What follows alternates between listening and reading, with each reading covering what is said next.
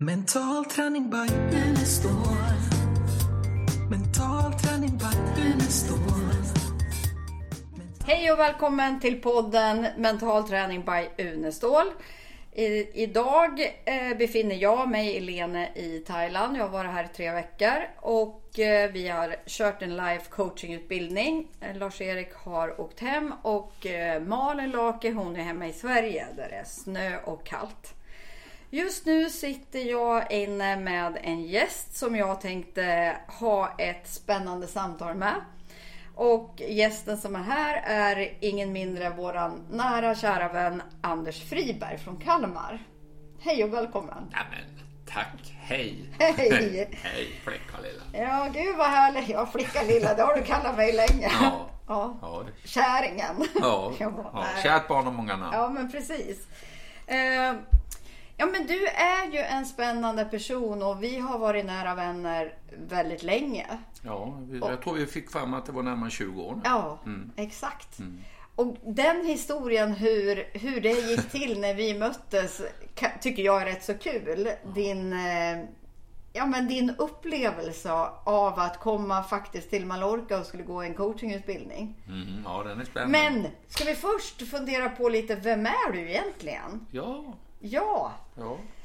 du är ju hållit på med väldigt mycket. Du har drivit fabriker, eller hur? I Mm. Ja. Kina till och med har du Ja. äger fabriker, stämmer det? Det stämmer. Jag har haft Ja. ett tillverkningscenter i södra Kina. Mm. Ja. Och många anställda. Ja, jag har haft ett 70-tal anställda i Sverige då på eh, två industriföretag som jag hade där. Mm.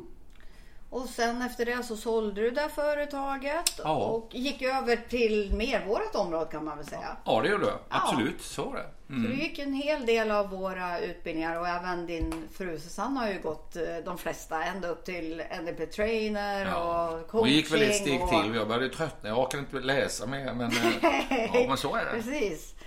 Så eh, Så har där började du ju coacha idrottslag, Hammarby, eller hur? Fotbollslag, eller vad Ja. heter de där? Jag Ja, inte... ja, Bayern Hammarby. Jag var Ja. mental coach för Hammarby, eller tränare då för Hammarby när de låg i Superettan och in i Allsvenskan. Jag var där i fyra år.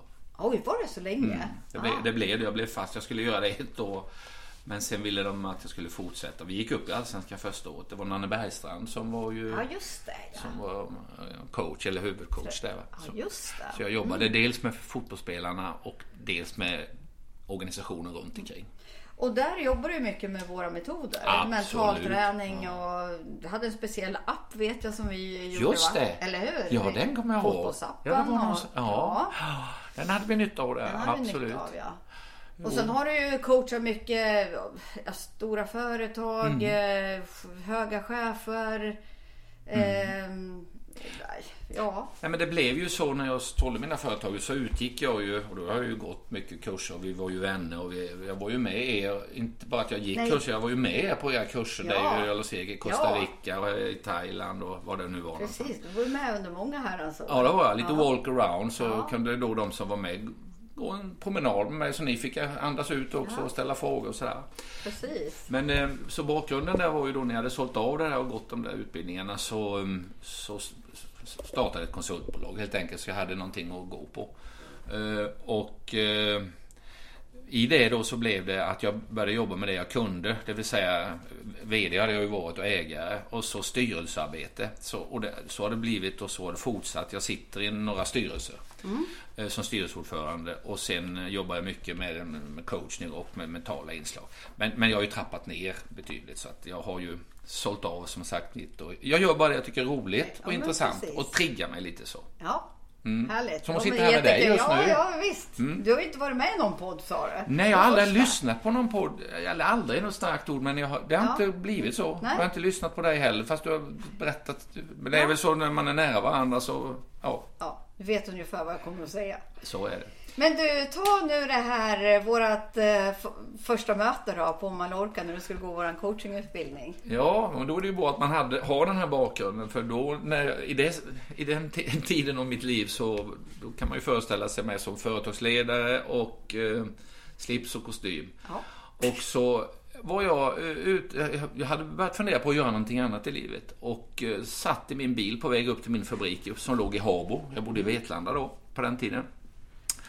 Och då var det en eh, intervju med en coach på det här eh, på ett eh, radioprogram som jag satt och lyssnade på och tänkte fan det där var ju intressant. Jag har ju alltid velat utveckla min personal och hade inte så mycket kunskap utan gått med på sunt bondförnuft kanske. Ja. Eller sunt obondförnuft. Det beror på hur man ser det. Mina anställda ser det på det. Så ehm, då, när det programmet var slut så slet jag upp eh, den, den fasta mobiltelefonen som man hade på den tiden i ett snöre som satt i bilen. Och eh, ringde upp Sveriges Radio och frågade om, jag, om de kunde ge mig telefonnummer till den här coachen. Ehm, Men det ville de ju inte utan eh, de ringde upp honom och sen kontaktade han mig och då sa han så här, för jag frågade var kan man gå en utbildning till, till det här du berättade om? Ja men det finns två alternativ. Det ena eh, kommer jag inte ihåg vad det var och det andra var Skandinaviska ledhögskolan. Så när jag kom till kontoret så hade jag de här två namnen framför mig på ett papper och så blundade jag och så pekade jag på det ena och där stod det Skandinaviska ledhögskolan. Ja, just det. Det var slumpen eller inte Ja, slumpen. det var bara så. Beroende på... Ja, random, Ja, va? random, ja. Ja. ja. Och sen gick jag bara in på min eh, hemsida. Eller på er hemsida Ja. på, via min dator och så stod det där kurs, coachingkurs i Mallorca. Det var inte så långt bort i tiden. Anmälan här och så bara bang bom så gjorde jag det. Ja. Och eh, det som hände då var ju att eh, när jag kom då till Mallorca så kom det ju, jag hade ingen aning, eh, jag hade aldrig hört talas om Lars-Erik Unestål eller Lene eller Ja, Jag hade, det fanns inte i min värld.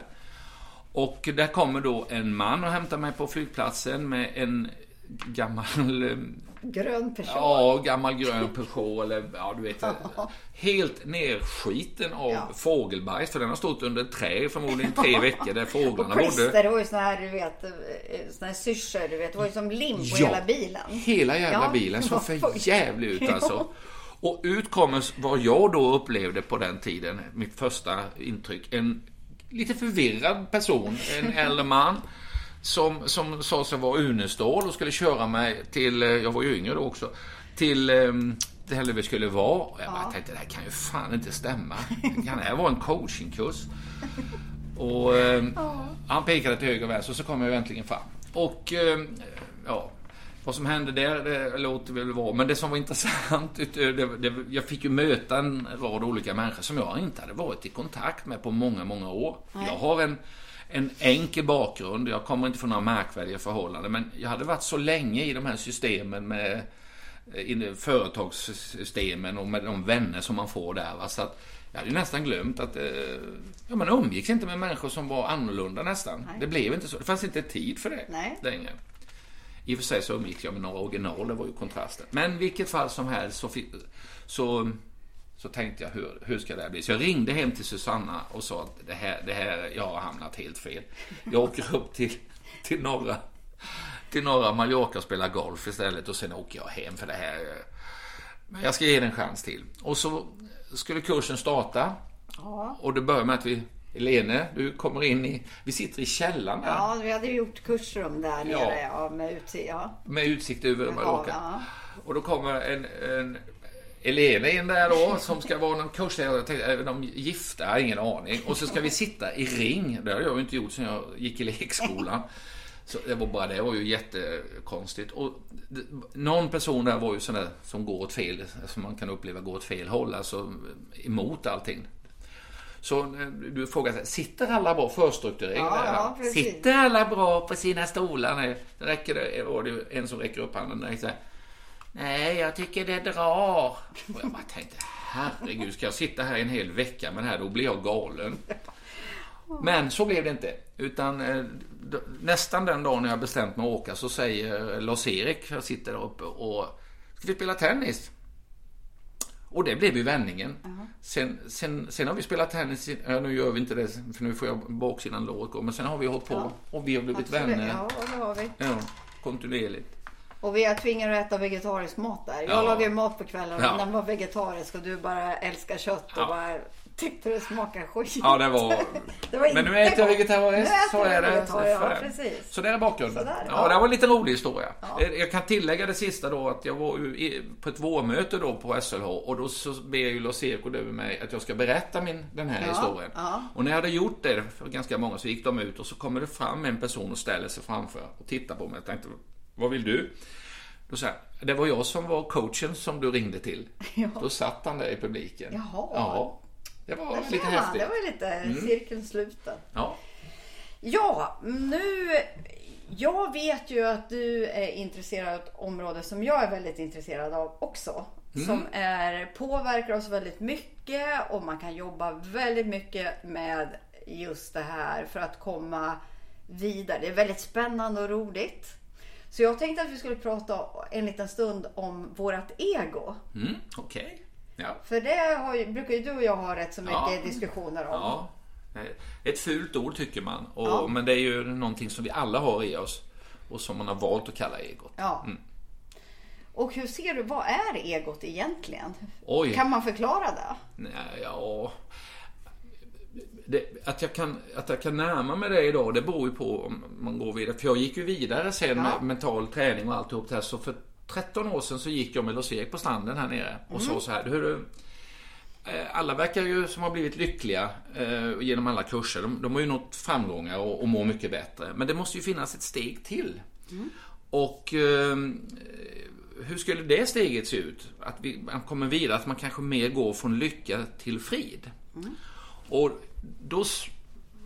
Lars-Erik tyckte ju det var intressant, men det var ju mycket annat så här. Så att jag har ju jobbat på med det där.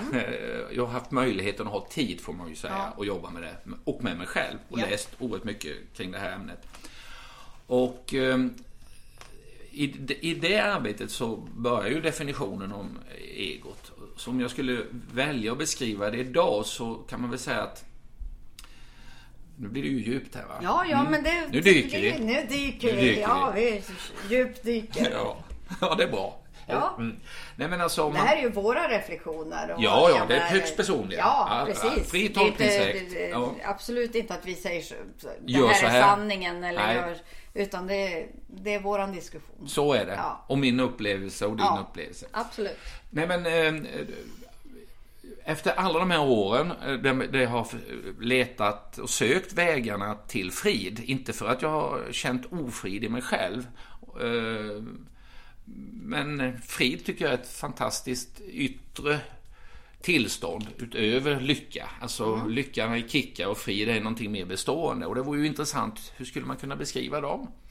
Och det är en kombination av det mentala, tror jag, eh, där den delen behövs för att sen kunna gå in i nästa väg.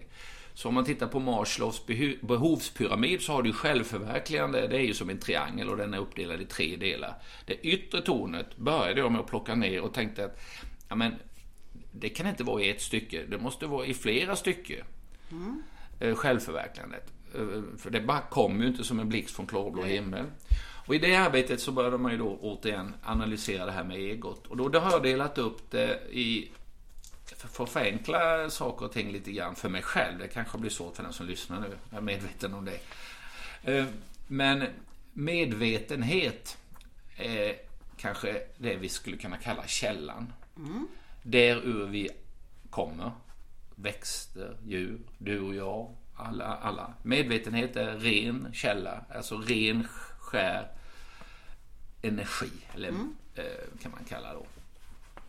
Eh, Och enligt Einstein så är det ju då den delen och den andra är form eller mass, Ja, massa då. Och den andra delen som är ovanför då eh, är eh, medvetenheten, skulle vi ju kunna kalla medvetandet. Ja. Och här blir ju lite begreppssvårighet, man kan sätta andra ord på det. Men det medvetandet som kommer då genom en våg som rör sig på något sätt uppstår, det säger ju kvantfysiken, så uppstår ju människan och mänskligt levande och djur och växter och alltihop där. Och om man tittar på det mänskliga psyket och bara förenklar det så, så kan man säga som ett barn då har ju sitt sinne bland annat och, och, och det har vi alla som även som vuxen naturligtvis. Och du har um, verktyget um, som som, um, som uh, är väldigt viktigt. Det är ju det som kan analysera um, vi kallar det intellektet. Ja. och eh, om man stannar där någonstans så upplever jag det som att det re- rena skära sinnet när det börjar använda verktyget intellektet. Eh, vilket vi ska göra, för det är ju ett ve- verktyg som behövs i vissa situationer. Men när verktyget börjar ta över sinnet, ta över människan, där, I den skärningspunkten uppstår egot. Och plötsligt så börjar förvandlingen att vi förvandlas till att vi tror att vi är intellektet. Ja, Så vi med. tror helt enkelt att vi är den vi är.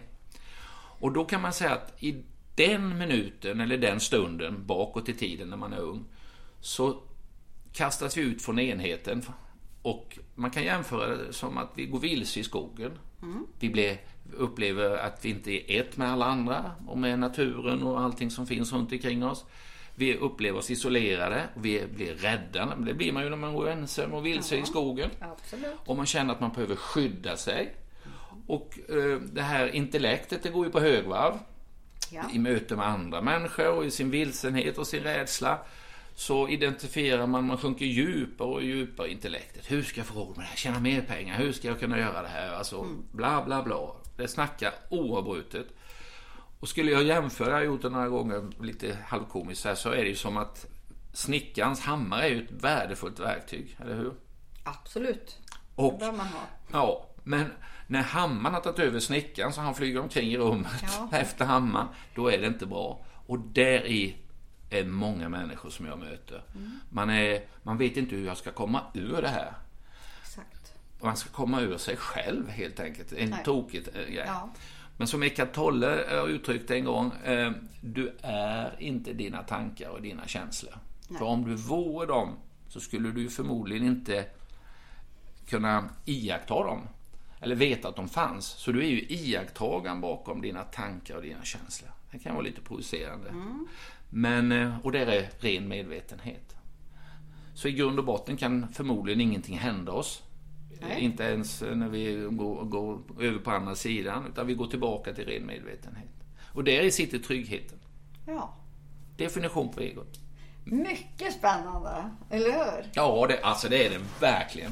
Ja. Och kul att prata med dig om det här. Ja, jag har jo, så mycket jag andra modeller Det är genom åren. intressant också.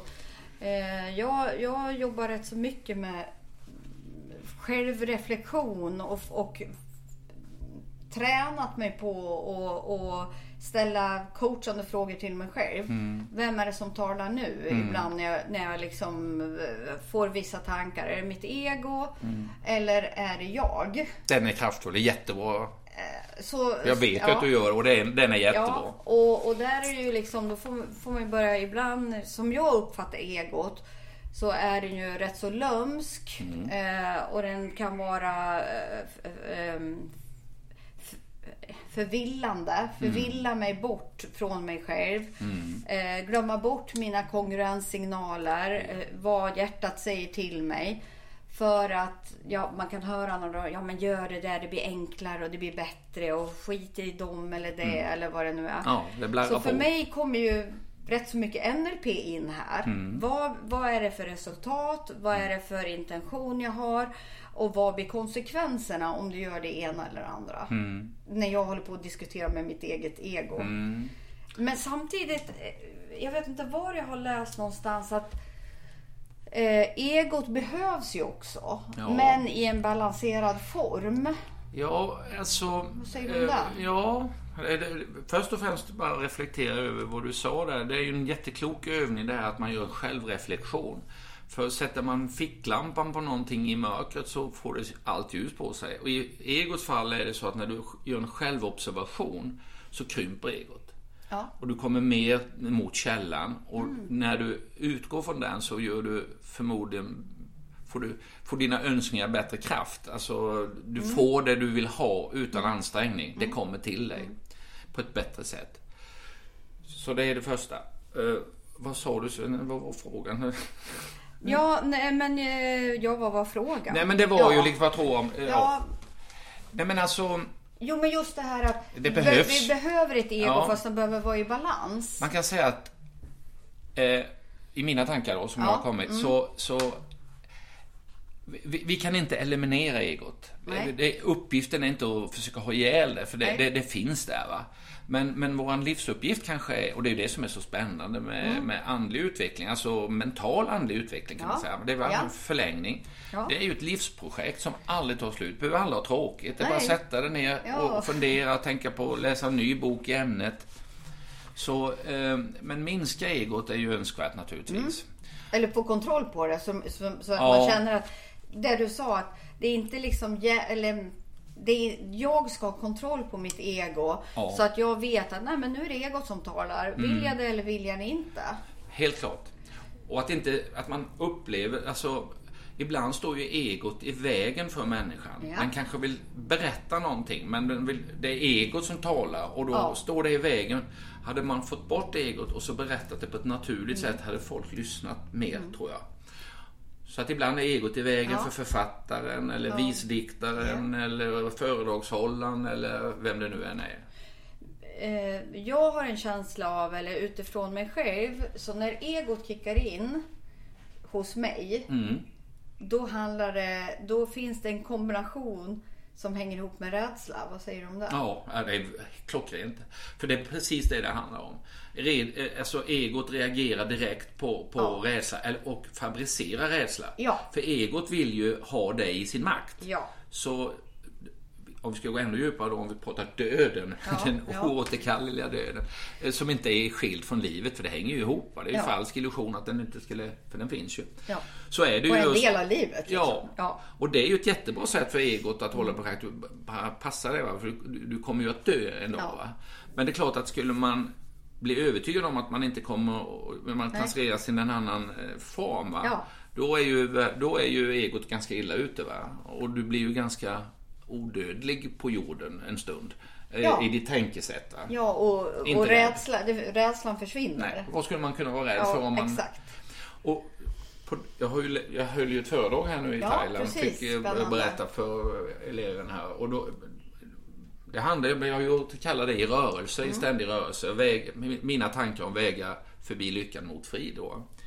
Och det handlar ju just om att, att eh, först bli vän med det som ändå är åter, återkalleligt, döden då. Ja. Och då la jag ju upp det så att jag berättade först, och det kan ju den som eventuellt lyssnar på det här snacket som Ja. vi håller på med, eller har inte stängt av. Eh, om, om man föreställer sig för en stund att vi skulle leva, precis som du gör nu då, i all evinnerlig tid. Eh, och bara fortsätta på det här sättet och leva och leva och nästa dag och nästa dag i all evinnerlig tid. Då tror jag att man skulle uppleva att livet blir väldigt tråkigt och Ja. meningslöst. ja, det tror jag med. Ja, det skulle det bli. Så döden har ju en, en, en bra funktion. Den gör ju kanske livet mer meningsfullt att leva. Ja.